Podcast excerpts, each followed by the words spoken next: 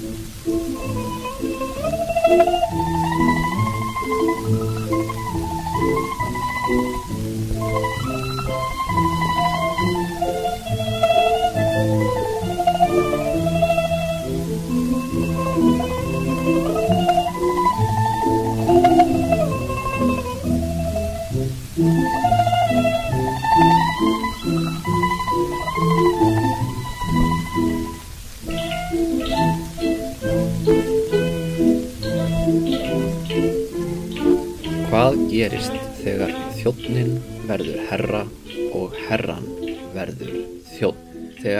Stjætt sem hefur verið í þjónustu hlutverki gagvart annari stjætt rís skyndilega ofar en hinn verður uh, valdameiri og já, nýtur bara einfallega meiri virðingar og, og, og þæginda. Það er nú kannski ekki mjög mörg dæmi um það í mannkynnssögunni en mér dettur eitt í hug, það er þarna, þegar á 19. öldin í Evrópum borgarestjættin uh, tók meiraða minn öll völd í samfélaginu ítti til hliðar gömlu aðalsættunum ímist í gegnum byltingar eins og fransku byltinguna og, og já, þó nokkuð margar franskar byltingar á 19. öld ef út í það er farið en kannski aðalega gegnum yðnbyltinguna sem umbreytti hvernig uh, svona auðmagn varð til af því að fram að þessu þá höfðu aðalsættirnir í Evrópu lifað á svona rentu af landinu sínu gegnum svona fyrirkomulag sem aðna hafi verið við líði frá því bara á miðaldum, svona lénsveldi og valdamesta fólkið í, í landinu var, voru aðalsmenn sem áttu stóra landaregnir, þeir mönnuðu ríkistjónirnar, þeir uh, voru ráðgjafar uh, konungsins eða framkvæmdavaldsins eða, eða hvernig sem aður lítur á það. En svo skyndilega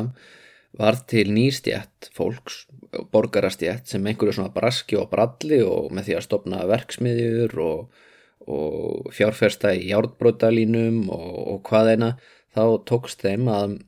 að öðlast meira af auði og þar með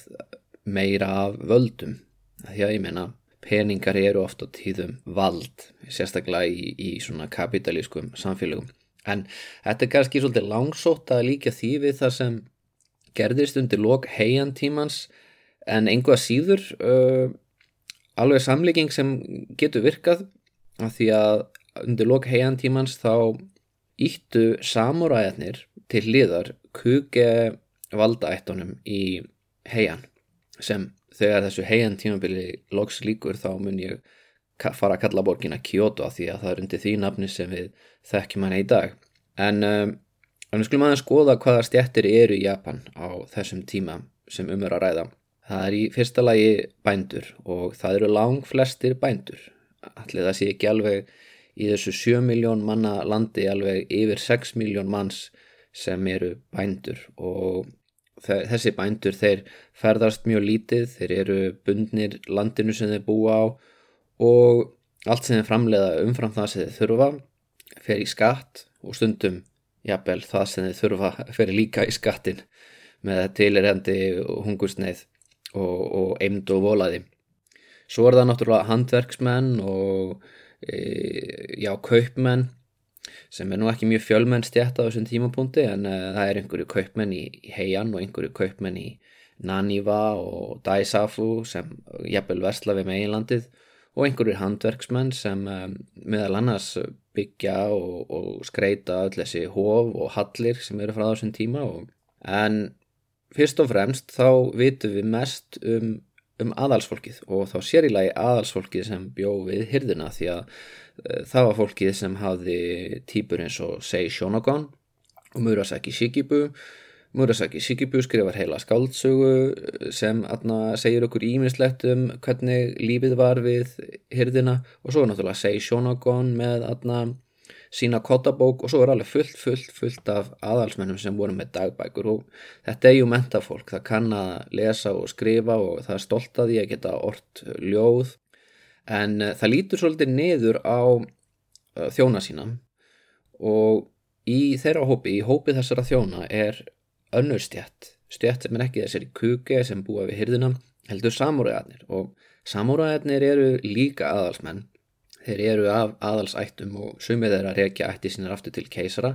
Eru kannski badna, badna, badna, badna einhvers keisara sem átti eh, nokkur börn með hjákonum sínum og, og gaf þeim einhverja titla og sendið á síðan út á land.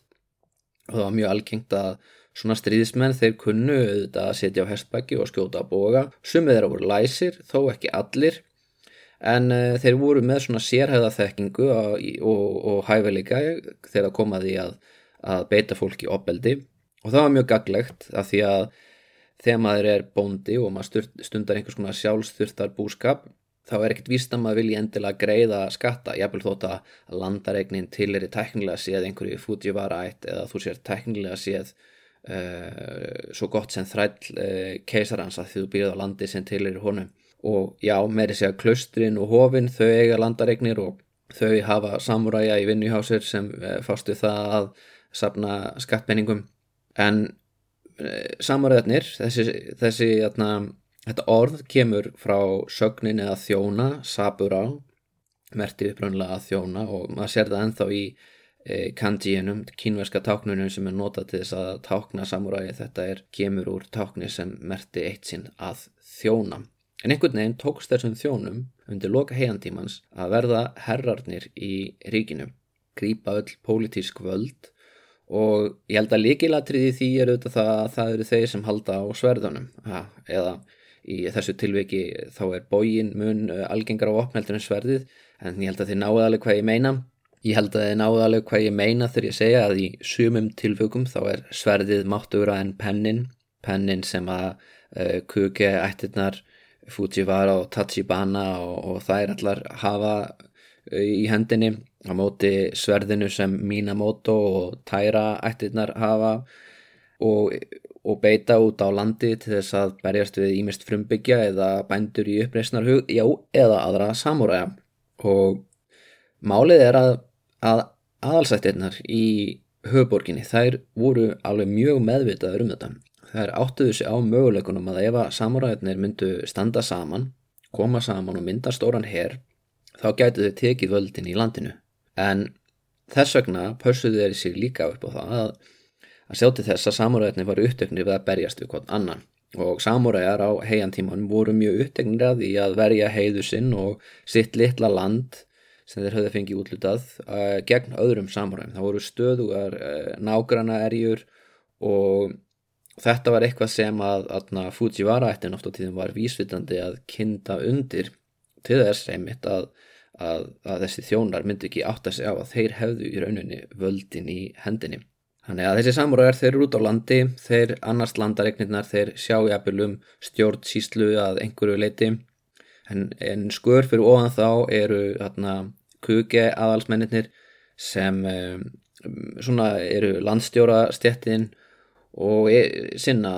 embættir störfum við hyrðina eru ráðgjafar og ráðherrar og þessar, eh, þetta er sama fólkið að miklu leiti þar að segja þau, þau það er ekkit þannig að samoröðar get ekki gifst inn í embættismanna ætti eða öfugt, oft á tíðum er það þannig að yngri sonur sem ekki næra erfa gott embætti frá föðu sínum uh, fæðurinn er kannski milli ráðgjafi í ráðuniti helgisiða eða eitthvað og á þessum tíma þá var það ekki lengur þannig að þú tækir embætismannapróf og, og myndir fá stöðuna það var yfirleitt þannig að elstir sónurinn fekk stöðu föðu síns og ef að, ef að þarna, þú áttir ekki í són hvað gerður þú þá sem embætismannur? Jú, þú átt á tíðum ætleitir einhvern og sá aðili gifti sig jafnvel dóttuðinni þannig að, að ættilínan heldi áfram að, að halda í embætið En hvað gerður að þú átti mjög marga sinni? Nú þá þurftur að kenna hinum sonunum eitthvað sem þið gáttu unni við. Og það sem það var ekki endalus þörf á, á mönnum í hátsett ennbætti ef þú ert ekki að Fujiwara ættinni eða eitthvað svo leiðis þá er, er ekkert víst að þú getur fundið góða stöðu við hyrðina eða jafnvel ekki einu svoni e, lítið skýtlegt e, landstjóra ennbætti einhvers þar út á landi. Og það var eins gott að sonuðin læri eitthvað praktist, hann læri að, að, að, að skjóta boga og sitja á hestbæki og þetta er eitthvað sem er dýrt, þú þarfst að eða miklum tíma og peningum til þess að ná að öðlast færni á þessu sviði því það er ekkert auðvelt að, að sitja á hestbæki og skjóta að boga samtímis. Þetta er atna, ákveðin list. Samúræðarnir eru sem sagt þeir til er að næstu því uh, sömustjætt og kuke en ekki alveg. Uh, þeir eru skildir þeim en eru samt skurðinni læra og það er gott að þið hafið þetta í huga við munum koma inn á þetta aðeins síðar. En í þessum þætti þá langar mig að ræða eina samúræja ætt eina ætt stríðismanna sem reys of hátt of hratt og fyrir vikið mist hún allt. Það er AB-ættin og AB-ættin hún er gömul ætt uh, það mætti jafnvel regjana til einhvers AB sem til forna barðist á móti fyrsta keisarunum hún um Jimmu sem uh, var nú allum líkinum ekki til þetta er náttúrulega svona góðsagna uh, kendur keisari en uh, svo eru það aðrir sem vilja reykja ættalínu AB-ættarinnar til annara keisara einhverja svona keisara sem voru frá þeim tíma þegar atna, Japanur höfðu ekki rítmál og við getum þess að ekki staðfest hvort þeir hafi verið til eða ekki en það segir okkur það að AB-ættin er virkilega gömul. Og þetta var ættbolkur sem var að öllum líkindum í þjónustu atna, Yamato konungdæmisins löngu, löngu áður en það varð að keisaraveldinu Japan. En saga okkar um AB-ættina hún hefst með húnum Aben og Hirafu Aben og Hirafu hann var shogun og já, shogun þetta er orð sem ég aftur að nota oftar og oftar núna út af því að þegar samuræðarnir taka völd þá munið að vera sjókunar sem stýra landinu. Og sjókun merkir í grunninn herfóringi. Uh, til þess að teljast sjókun á heiantímanum þá þurftu þú að hafa 10.000 manna herlið undir þér. Og Dai Shogun sem þýðir mikill Shogun það atna, þýtti að þú varst með tvær einingar af eh, tíu, tvær tíðúst manna einingar þar að segja tvo undir Shoguna eða fleiri, það er svo sem ekkert Dai Shogun getur haft þannig séð e, 90.000 manna herlið og þá vantilega nýju Shoguna undir sig en þetta er svona 10.000 manna einingar 10.000 manna bændaherir sem við erum að tala um. Og Abeno Hirafu þetta er svolítið merkilugur karakter, hann er, á, er uppi á mjög merkilugum tíma í sögu Japans, það er þegar keisarin Tenji sem tæknilega séð er ekki keisara því að það er yngri bróður hans Tenmu sem finnur upp titilinn Tenno. Hann gerir það til að stæla titil eh, Tang keisarana. En fram að því þá er nefnist staðan sem þessi menn gegna mikli konungur en uh, það er svo sem algjört aukatrið hann Tenji er rosalega mikilvægur karaktera því að hann er hann sem útrýmir soka ættinni eins og ég fjallaðum í held ég tíunda eða ellefta þætti. Og honu til hals og tröst er hann aðna fyrsta ættarhöfuð Fujiwara ættarinnar sem hjálpar honum að skipulegja stjórnsýslu ríkisins af því að þeir finn upp á því að, að allt land í, í, á eigaklassunum til er í raun keisaranum og þetta er kerfi sem svo á heiantímunum mun flosna upp úr og það mun vera írónís nokk. Fujiwara ættin sem stuðlar að því að, að, að land fer úr höndum ríkisins og verður svona, já það má orða þannig, það verður engavætt en allavega á þessum tímanpunti þá er Japan að verða miðstýrðara og það eru viðbröð við því að tangveldið er að stækka og stefnir í austur átt þegar segja að Tang er komið í stríð við eitt af kóresku konungdæmanum þremur, Goguryó sem er þarna þar sem uh, Norður Kóri og Mansjúröja eru í dag. Og þeir eru með bandamann sem nefnist Jilla og Jilla hefur verið ríki sem Japanir hafa verið í stríði við áður því að Japanir þeir eiga land siðst á kórugurskáðunum á þessum tímapunkti og þeir eiga líka bandalagsríki sem nefnist Bekkje og Í kringum árið 660 þá gera Jilla og Tangveldi með sér samkómulag um það að Jilla fái að taka yfir uh, Bekkje endalega og samena þannig það landsvæði sem við í dag þekkjum sem Suður Kórum og á móti þá ætlar Jilla að, að, að líta hjá því að Tangveldið ætla að taka yfir Gogurjó, þess að norður hluta Kórum og þetta er eitthvað sem Japanir vilja alls ekki sjá gerast út af því að sko Becky er mjög mikilvægt, mikilvægt uh, bandalagsríki fyrir þeim. Fyrsta lagi þá er þetta aðal svona vestlunaríki þeirra en uh, það eru líka fleiri sögulegar tengingar, mikið af yfirstjætt Japana kemur frá Becky á þessum tíma. Þetta eru þarna já, kóriskir innflytjendur eða kóriskir stríðismenn sem kannski komið með innrás nokkur um öldum áður, ekki svo ólítið hvernig þarna franskir aðalsmenn komið frá Normandi yfir til Englands á sínum tíma ef markam á ákveðina kenningar. En allavega þá eiga Japani smá land á söðu kóriuska og þeir telja það segja tilkall til þess. Og lísti ekki þá að það Jilla ætla að samena þennan skaga. Og þar að auki þá er Bekki með ímsa tenginga við það og þeim líst heldur ekki á það að Bekki er guð upp, þetta er ju ríkið sem að kynntið á e, bútisma fyrir þeim, kynntið á fyrir konfúsjónisma, það er í gegnum Bekki sem þeir öðluðust þekkingu á silkirækt, járdsmíði og rétmál og án Bekki þá mun Japan einangrast, það er rauninni það sem mun gerast þegar Jilla gleipir Bekki að það Japani byrja sífælt meira að einangrast og missa svona ekki bara diplomatískar tengingar, missa viðskiptatengsl og þeir missa líka bara svona ákveði þekkingar streymi. En hann Abeno Hirafu, hann er með þarna það hlutverk að leiða sjóherr Japana. Uh, hann fer uh, ásamt uh, krónprinsi Bekkje. Á þessum tíma er Bekkje komið undir Jilla og konursjölskyldan er flúin til Japans en nú er krónprinsin að snúa tilbaka í fylg með honum Aben og Hirafu og hann tekur með sér já, mörg hundru skip og mörg þúsund manna lið og hann mætir við eh, Geumfljót sem er atna, á, í Suðukóru hann mætir þar tangherliði og já, því miður ferða hansi illa fyrir Japanunum. Út af því að atna, eh, tangkinverjar eru með mikla tæknilega yfirbyrði þeir eru með fámennara lið en, uh, en málið það að kynverjarnir þeir hafa meiri reynslaði að berjast á fljótum. Þeir, atna, þeir hafa mörg þúsund ára reynslaði að berjast á gulafljótinu og jangtse fljótinu. Þeir hafa eflust allir lesið eitthvað um atna, orustuna við rauðu klettana þeim er frægast að flota orusta í sögu Kína. En uh, Japanir hafa engar soliðis frægar orustur til þess að, að lesa um. Þeir hafa ekki neina eila almenna þekkingu á sjóhörnaði og fljótin í Japan eru miklu minni en þetta fljót. Þannig að það er margt aðna sem þeir átta sig ekki alveg fullkonum á. En aðalatrið í þessu er að tankkínverðarnir eru bara með betri skip. Þannig að það skiptir ekki máli þótt að þessu að fámennari. Japanarnir tapa orustunni einhverja síður. Og það er eiginlega bara svolítið lýsandi fyrir hvernig þetta stríð allt saman fer út af því að uh, Japanir þeir mæta með bændaherðarna á meginlandið. En málið með bændaheri þeir þeir geta verið alveg ágætið sem slíkir. Þú getur atna, tekið óþjálfa lið og, og, og fært þeim spjóti hendur og marseraði þeim saman og það getur virkað ef þetta lið er að verja heimaland sitt eða bara sitt nánasta nákvæmni en þetta getur verið erfitt að, að stýra þannig hér í framandi landi. Svo típa af hermunum sem að bænda hérinn frá Japanmætti var rittaralið uh, rittarar sem eins og samaröðni síðar áttu eftir að gera notuðu boga á herstbæki og þetta var tækni sem að kynverðnir og kóriubúarnir voru búin að læra af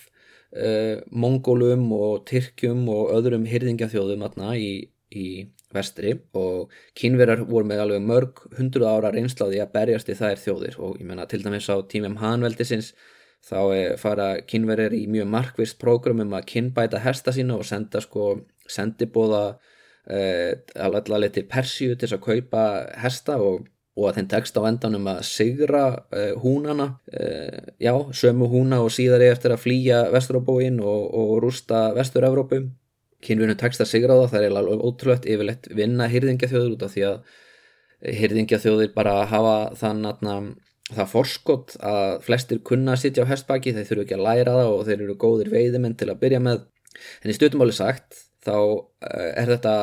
týpa af hernaði sem er Japunum framandi og kemur þeim algjörlega óvart uh, hversu mikla yfirbyrði mun fámennara lið kóruubú og kynverja hversu mikla yfirbyrði það lið hefur yfir þá. Og um leið og fyrstu örvadrífunar að rigna yfir að uh, spjótliðana um leið og, og, og rittaraliði fer marga ringi í kringu þá þannig að þeir ná að koma höggi á þá þá, uh, þá brestur flótti á og, og þeir flýja.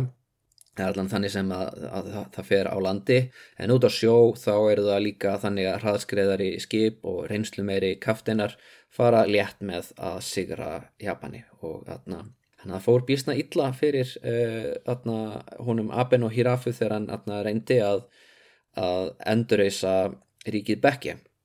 og atna, eftir það þá atna, missir hann stöðu sína sem sjókun en hins vegar þá haf, var ekkert skrítið að, að hann skildi hafa verið valinn til þess að atna, leiða herin því hann hafði nú þegar sanna sig e, sem stríðsmaður e, á, í Japan. Hann hefði verið landstjóri í héræði sem þá var allra nýrst í keisaraveldinu í Japan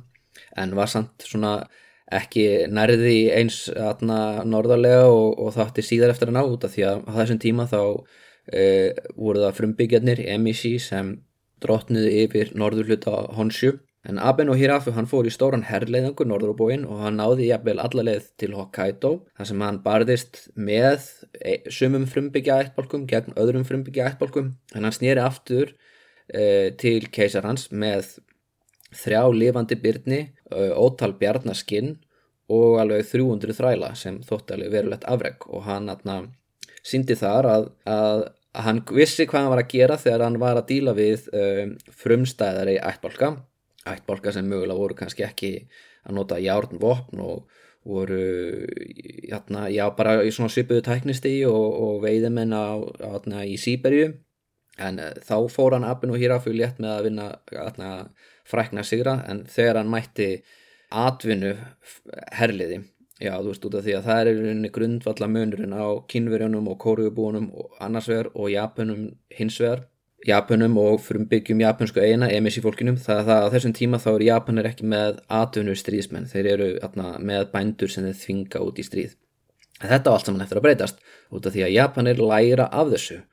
Og síðan meir þá munu afkomendur hans Aben og Hirafu þeir munu uh, eiga þátt í því að herstaka norðurluta Japans og þeir gera það á herstbaki uh, sitja á herstbaki, skjóta með, með boga og þetta er hernaður sem henda líka mjög vel til að berjast við frumbyggjana út af því að frumbyggjarnir eru oft í skæru hernaði og þá borgar sig að vera á herstbæki og vera fljótur á milli staða. Og atna, það er bæði ódýrara til lengdar og svo er það líka atna, praktiskara að vera með fámennara ryttaralið sem er velþjálfað út af því að atna, velþjálfaður hermaður hann flýr ekki allt í einum hann uh, skilur skipanir og já, hann atna, mun fara létt með að sigra óþjálfað bænda herlið í flestum tilvökum. Eh, þegar bændunir vinna sigra í uppreysnum þá er það yfirlegt að því að þeir þekkja landsæði sitt mjög vel og þeir eru að berjast einhverju örvæntingu, get ekki flúin eitt. En það er svo sem önnur saga. Ákomendur hans Abe, þeir munu drotna yfir norður hluta Japans úr Akita kastala sem hann á atna, hann Abe nú Hirafu sjálfur stopnar meiri segja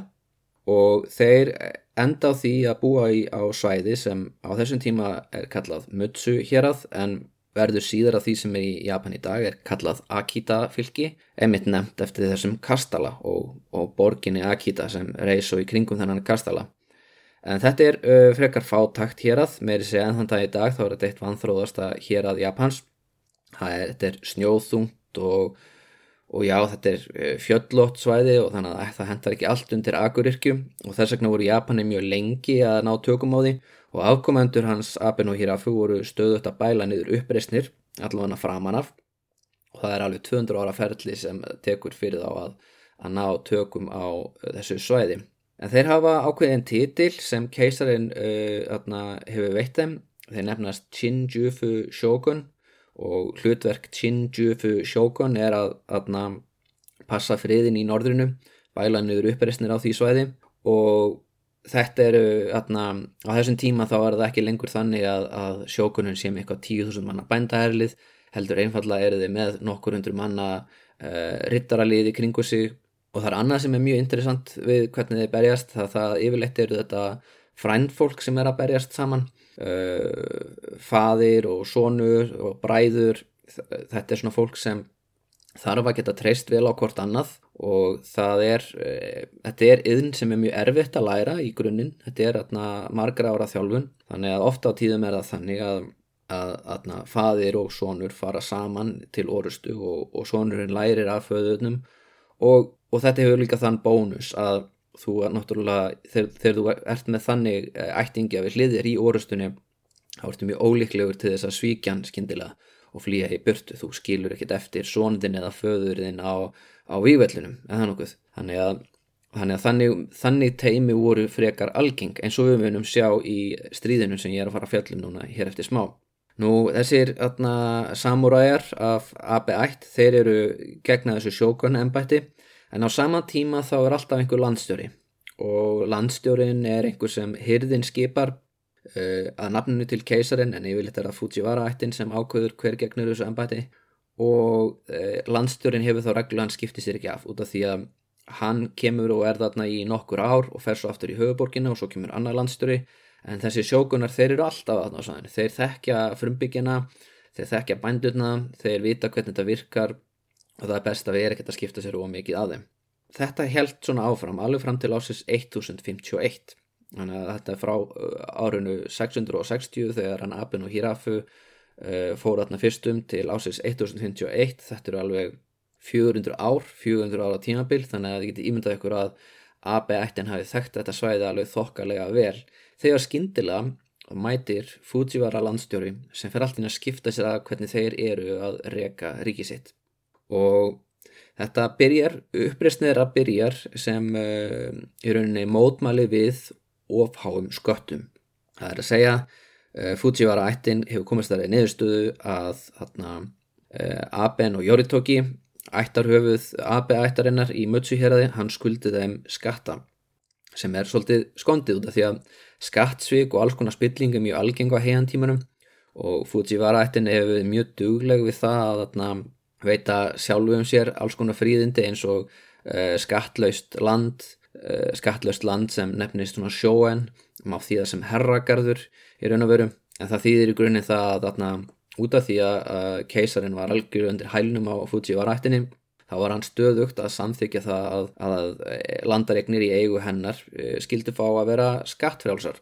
Og Fujivarættin hún komst upp með það út af því að hún deildi með sér þessum gæðum. Það voru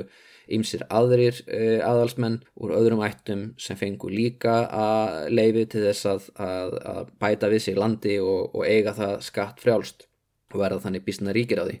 en svona getur þetta ekki haldið árum endalust því að þó svo að þarna Eh, meira og meira land hafi bæst við ríkið þá er hyrðin farin að finna fyrir því að það er bara ekki nógu mikið að koma í kassan. Það eru of margir búin að kaupa sér ennbætti og eru farin að fá laun frá úr ríkisjóði og allt og margir sem eru jafnvel í þessum sömu ennbættum búin að eigna sér land sem þeir greiða engan skatt af. Og nú er það þannig að, að enginn getur lengur bara þjálfað svoan sinn í, í því að vera stríðsmaður og svo sagt við hann, heyrðu farðu bara norður og rektu burt einhverja frumbyggja taktaði landið og, og, og búið þér til þitt plást þar. Af því að, að, því að það er, er ekkert meira land eftir til þess að ræna að frumbyggjum, það er búið að, að reka alla frumbyggjana burtu, þeir eru farnir norður til Hokkaido og þeir sem eru eftir, þeir eru bara orðnir hluti af atna, þeir eru bara orðnir hluti af ríkinu, þeir eru bara orðnir bændur líka og, og það er ekkert eh, landa á lausulengur og þetta gerir það verkum að samaröðnir eru farinir að ókýrast, þeir eru farinir í meira og meira í stríð eh, innbyrðis. Og, og hér kemur að einu mjög stóru stríði sem markar ákveðin tímumóti sögu Japans út af því að áður fyrir við höfum haft uppreysnir áður, við höfum haft uppreysn hjá honum Tairan og Masakato sem var á uh, því svæði þar sem Tókjó er í dag cirka stóru landegjandi gerir uppreist gegn keisarónum og svo uppreist endist í 50 daga. Síðan er önnur uppreist eh, hans Fujiwara no Sumitomo sem eh, endist í tvö áravísu en hann er stundar svona sjórán þannig að það hefur verið eldast við hann á, á skipi og þess vegna tekur svolítið tíma. En þetta eru svona þessar stóru uppreistnir heian tímans. Það eru, er, eru bara mjög stuttar og valda mjög takmörkuðum skadiður og veru. Þó svo það séu alls konar minniháta bændu uppreysnir og alls konar uh, ræningahópar að fara um það er ekkert sem nær almennilega að, að, að okna ríkisvöldinu það er ekki sem nær að öðlast sjálfstæði þannig séð þanga til núna út af því að AB-ættin hún áttur að þrauka í alveg 12 ár. Uh, merkilegt nokk þá heitir stríðið eða uppreysnin uh, nýju ára stríðið. Það er út af því að Eh, í þrjú ár var vopnarlíða þannig að það er nýju ár af átökum og þryggja ár af vopnarlíða allt í allt tólf ár þar sem AB-ættin neytar að greiða keisarónum skatt og kemst upp með það og vinnur bara þó nokkuð marga sigra gegn, gegn útsendurum Fujiwara ættarinnar. Og hverjir eru þeir? Nú, það er ekki Minamoto no Raiko sem ég sagði frá í síðasta þætti. Uh, í síðasta þætti var ég að fjalla um uh, valdaskeið hans aðna Eh, Fujiwara no Michinaga sem eh, styrði Japan þegar einmitt Murasaki Shikibu og Sei Shonogon voru upp á sitt bestað að skrifa. Og talsvært lengur hann, hann sá nokkur badnaböld sín verða keisara og hann sá margar dætu sínar verða keisarinjum og hann e, í rauninni e, sá són sinn verða ríkistjóra og það er einmitt sónur hans sem er nú ríkistjóri og búin að vera bísna lengi við völd þegar uppreistinn brýst út. Og hann sendir næstu kynnslóða úr, úr Minamoto stríðsættinni það eru Minamoto no Yoriyoshi og Minamoto no Yoshi-ie sem fara. Og þeir eru sendir á stað með herlið til þess að ná tökum á þessari uppreist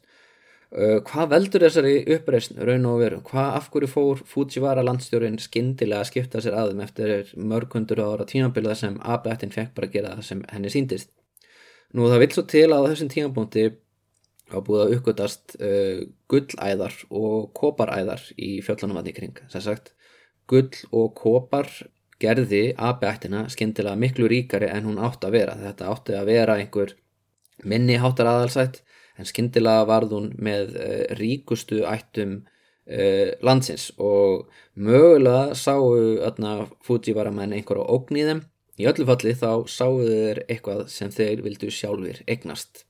peninga og það vantaði peninga það vantaði peninga til að viðhalda uh, lífstíl fólks við hyrðina og, og, og líka bara atna, greiða öllum embættismönnunum og þjónunum laun. Nú Minamoto no Yoriyoshi hann er atna, stríðismæður af, af fjórðu kynnslóð Minamoto stríðismanna og hann fór eitt sinn um Japan með föðu sínum að bæla niður minniháttar uppreysnir og berjast við ræningi ópa og með honum í för er hann mínumótun og Yoshie sonur hans sem á þessum tímapunkti er 18 ára gammal og orðin fullorðin maður á þess tíma mælikvarða. Nú þeir fara að berjast við Aben og Yoritoki sem er ættarhöfuð Abe-ættarinnar en aðalátökin eru ekki að milli Yorioshi og Yoritoki svo mikið heldur á milli Aben og Sadato sem er sonur hans Aben og Yoritoki og Minamoto og Yori-ie af því það eru þessir ungu menn. Þeir verða orðnir báðir tveir uh, svona miðaldra á þess tíma mæli hverja þegar stríðinu líkur því það tekur alveg heil 12 ár. Og það byrjar ekki vel fyrir mínamóta menn því að þeir mæta þeim í, í snjóstormi við orðustuna við Kawasaki og þeir grút tapa henni, þeir hafa með sér í för ímsa, ímsa menn, ég veit ekki hvort ég að, það tekur því að, að lesa upp nöfnin Fujiwara no Kakemichi, uh, Kiyohara no Satahiro. Svo sem ágætt að muna þessi nöfn að það sé Kiyohara þarna með þeim því að það, uh, þeim munur leika hlutverk í, í næsta þætti. En í öllu falli þá atna, sýnir það sig að Abe no Satato hann uh, þekkir vel landið sem hann býr í. Og það gera mínámátumenn ekki eins vel. Þeir vannmeta veðrið og það verður þeim að falli viðristöra en stríðið heldur þó áfram og að lokum þá uh, tekst þeim að, að, að, að ná að bettinni í umsátri um umsátri í Kuriagawa virki. Þá á þeim tíma búin er Aben og Jörgtóki látin ekki í stríðinu heldur af elli held ég. En Aben og Satato búin að taka við stjórn og eftir að eftir að, þeir ná að brjóta upp virkisveggina þá þarf hann að flýja á herstbæki og, og Yoshi eldir hann og, og kallar á eftir honum. E, skammast þín ekki fyrir að, að flýja svona. Snúðu við, ég hef svo litið til að segja þér. Og merkilegt nokk þá snýr hann Sadato sér við og þá segir Yoshi Koromo no tate wa hokori bi nikerei e, Koromo kastali hefur, hefur verið eitt. Koromo kastala hefur verið eitt. Og já það er sem sagt kastalinn aðna við Kuriagawa uh, fljót uh, nefndist Koromo. Um, en þessi lína þetta er fyrripartur í, í ljóði. Þessi lína hún má vera lesin á tvo mismöndi vegu. Það getur verið að Koromo kastali hefur aðna hrunið. En það mætti líka lesa hana þannig að saumatnir í klæðum þínum hafa ripnað út af því að koromo e, getur líka þýtt klæði og atna, þannig að þetta er svona orðalegur út af því að orðin hljóma eins en að atna, ef þú myndir skrifa þér niður þá myndir þú nota mismöndi takn til að gera skýrt hvað þú er að meina. Þannig að þetta er atna, svona hefbundin e, orðalegur eins og ljóðskáld við hyrðina er ástunda og Satato hann átt að segja á því að, að, að þetta er ekki gildra hjá hann Yoshie hann ætlar ekki að, að nýta sér tækifærið og skjóta niður með boga sínum. Hann, hann snýr sér við og svarar Toshi og Heishi Ito no Midare no Kuru Shisa ni. Í gegnum árin hafa þráðinni trosnað mér til ama. Þannig að þegar Yoshie heyri svarið þá setur hann bóðan niður og snýr tilbaka því að þarna, uh, þeir, þessi menn bera núna nýja virðingu hvorfurur öðrum að þeir séu ekki bara stríðismenn heldur skáld. Þetta er þarna uh, sennilega ekki eitthvað sem gerðist raunverulega, ætla ég að segja en, en þetta er svona dæmi um það hvernig stríðismenn eru farnir að búa til áróður eru farnir að búa til áróður um sig sem svona fáaða menn menn sem byrjir skínbrað á atna, á skaldlegt mál alveg eins og fólkið við hyrðina þannig að er ekki, þeir eru ekki ólæsir durtar heldur þarna svona eru sjálfur hefðar menn. Og stríðinu líkur með ósigri AB-ættarinnar uh, AB-ættin hún missir uh, land sitt þarna í norðri. Og ein önnur ætt tekur við það er þarna Kiyohara-ættin sem uh, næra eignar sér það. Eh, þetta er til þess að þakka fyrir hennar stuðning. Eh, Minamoto-ættin fær þó ekki neitt land þarna þráttur að hún hafi náttúrulega verið að berjast en það eru þeir þarna, undir Fujiwara-ættinni eru þjónar uh, þeirra. En uh, hann Abe, nei en hann Minamoto no Yoshie hann fær uh, tvo titla. Hann fær titilinn Shinjufu Shogun og því fylgir ákveðin ábyrð að vera Shinjufu Shogun eins og þið munið heyra í næsta þætti þegar ég held áfram að segja sögu hans. Og hann fær viðnefnið Hachiman Taro eða Sónur Hachiman en Hachiman var einn af stríðskuðum Japana á þessum tíma. Hann er svona blanda af buddískum og uh, shinto guði og hann er atna, talin vera sprettu frá uh, keisaranum Ojin. Þetta er svona þegar keisarin Ojin var tekin í guðatölu þá var þann að Hatsiman en hann er eitt af mikilvægastu góðunum á þessum tíma stríðskuð eh, sem er vendargóð keisarættarinnar. Keisarættin hefur nokkur vendargóð eh, aðal vendargóð hennar er sjálfsögur sólgíðan Amaterasu og það er út af því að þeir eru afkomundur Amaterasu sem þeir telja sig hafa réttin til að stýra Japan. En Hachiman er ekki síður mikilvægur guð. Hachiman er atna, meðal annars guðin sem að munkurinn Dokyo leita til þegar hann atna, vil fá stuðning til þess að taka yfir Japan og, og gera sjálfan sig að keisara þá atna, þetta er eitthvað sem ég fjallum að, í þáttunum um uh, Nara tímanbilið uh, þá er það emitt þá leita til Hachiman Hofsins á Kyushu til að spyrja um hver eiga að vera næsti keisarin. Þannig að þið heyrið að þetta er atna, Guð sem teng, er svolítið tengdur inn í svona keisarilega politík en að því mínamóta á ettin hún er upprunnulega komin af keisurum nánatildekki þá er e, sá ætlegur sem að hana, hann Minamoto no Yoshie tilerir, það er ætlegurinn Minamoto no Seiva, hann er afkomandur keisarans Seiva frá nýjundu öld. En með því að kenna sig við Hachiman þá eru þeir að segja svolítið um sig sjálfa, þeir eru að, að, að sækjast eftir ákveðinu upphefð, þetta er ekki neitt minni háttar góð og eftir stríðið þarna í norðri þá snýr Yoshie aftur til aðna Kanto, Kanto sléttan þar sem eh, í dag eru borgirna Tokyo og Yokohama og, og það á þessu svæði þar á Minamoto ættin land og en já, hann Minamoto no Yoshie hann eh, hefur núna fengið viðunefnið Hachiman Taro Sónur stríðskuðisins, hann hefur fengið titilinn eh, Shinjufu Shogun sem eh, fylgur í sig ákveðin völd en líka hann ber hann ábyrða á að halda friðin í norðurhluta Japans.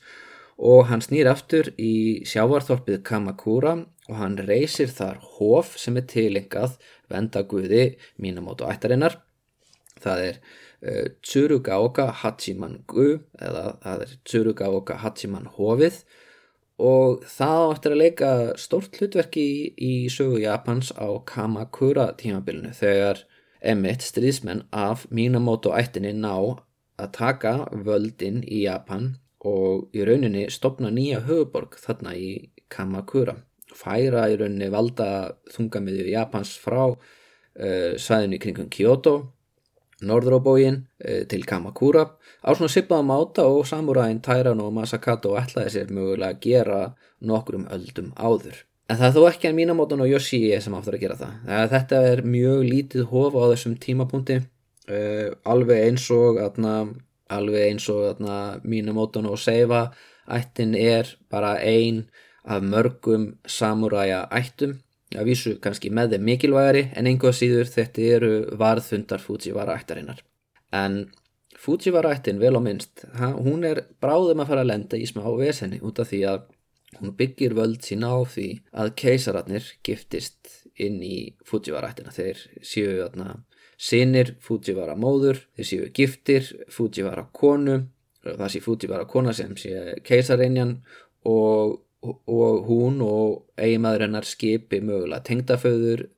tengdaföðurinn í það að stýra ríkinu. Nú eða þá kannski atna, að keisarinn skipi máksinn eða einhvern svoleiðis en allavega einhvern kallmann af Fujiwara ætt. Og til þess að þetta gangi upp þá er mjög mjög mikilvægt að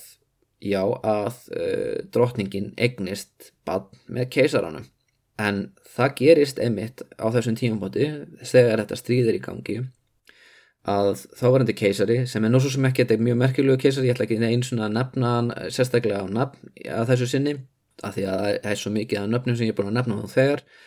En hann eh, er giftur um, fleiri en einni fúti var að konu og já, hann á meiri sem er margar hjákunur á sjálfsögðu en hún hefði tekst ekki eignast bann og ég veit svo sem ekki ástöðuna og við vitum það ekki út af því að við höfum ekki þarna, uh, við vitum svo hálfur sér ekkert endilega hvernig þarna hvernig samlífið þessara hjóna og, og, og hjá hvenna var háttað með keisaranum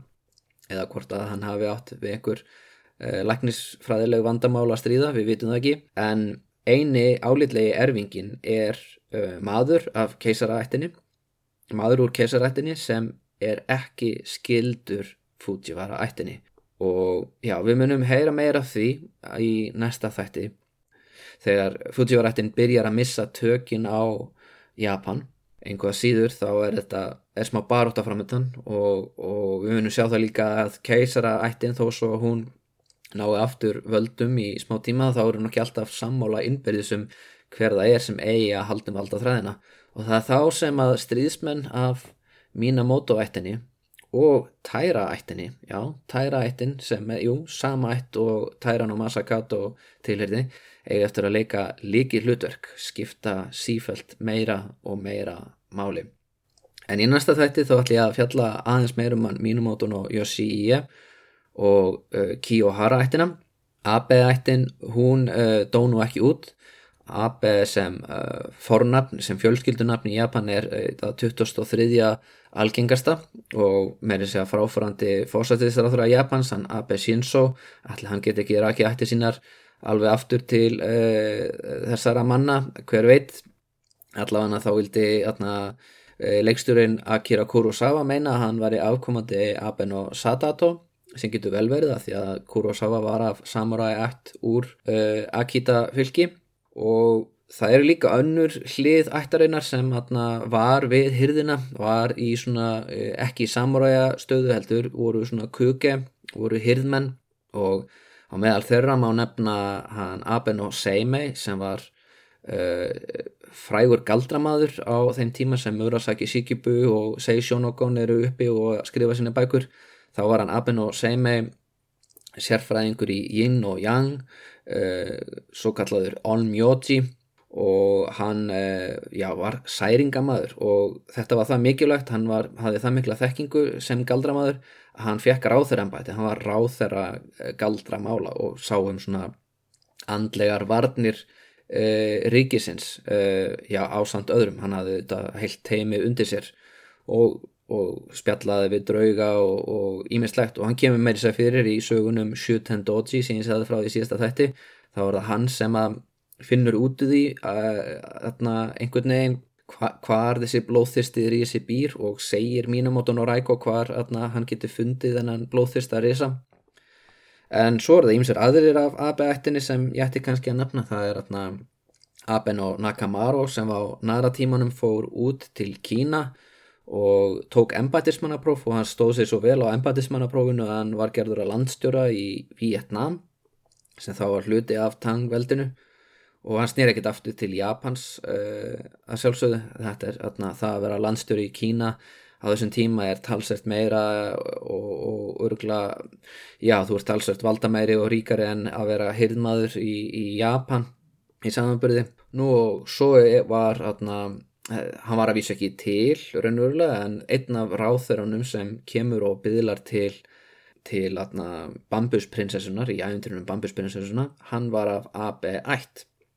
hann var aðna, e, já, ráþæra hægrisins eða eitthvað svoleiðis í sögunni og byggir á einhverjum frægum ráþæra frá nara tímanum sem hafi fórnarnið AB en e, já, það verður svo sem ekki mikið meir um það að segja, það eru þetta, þetta er þetta mjög algengt nafn í Japan í dag og margar aðna, frægar manneskjur báruða til dæmis e, rittöndurinn AB Kobo sem ég skrifaði björðir mína um í, í japanskunni svona existensialískur Uh, eh, rítöfundur uh, eh, og atna, já sjálfsögðu ég mæli með bókum hans enda, enda skrifaði ég alveg stóra ríkgerðum um þær en við látum þetta duga sinni. AB-ættin er allan úr myndinni sem mikilvæg samúræja ætt og, og það verði ekki frægir samúræjar sem nefnast AB alveg á næstunni. En átökunum hvergina er lokið, það er rétt að byrja. Friðartímabilið heian er um það bil að fara að ljúka og nú hefjast stríðin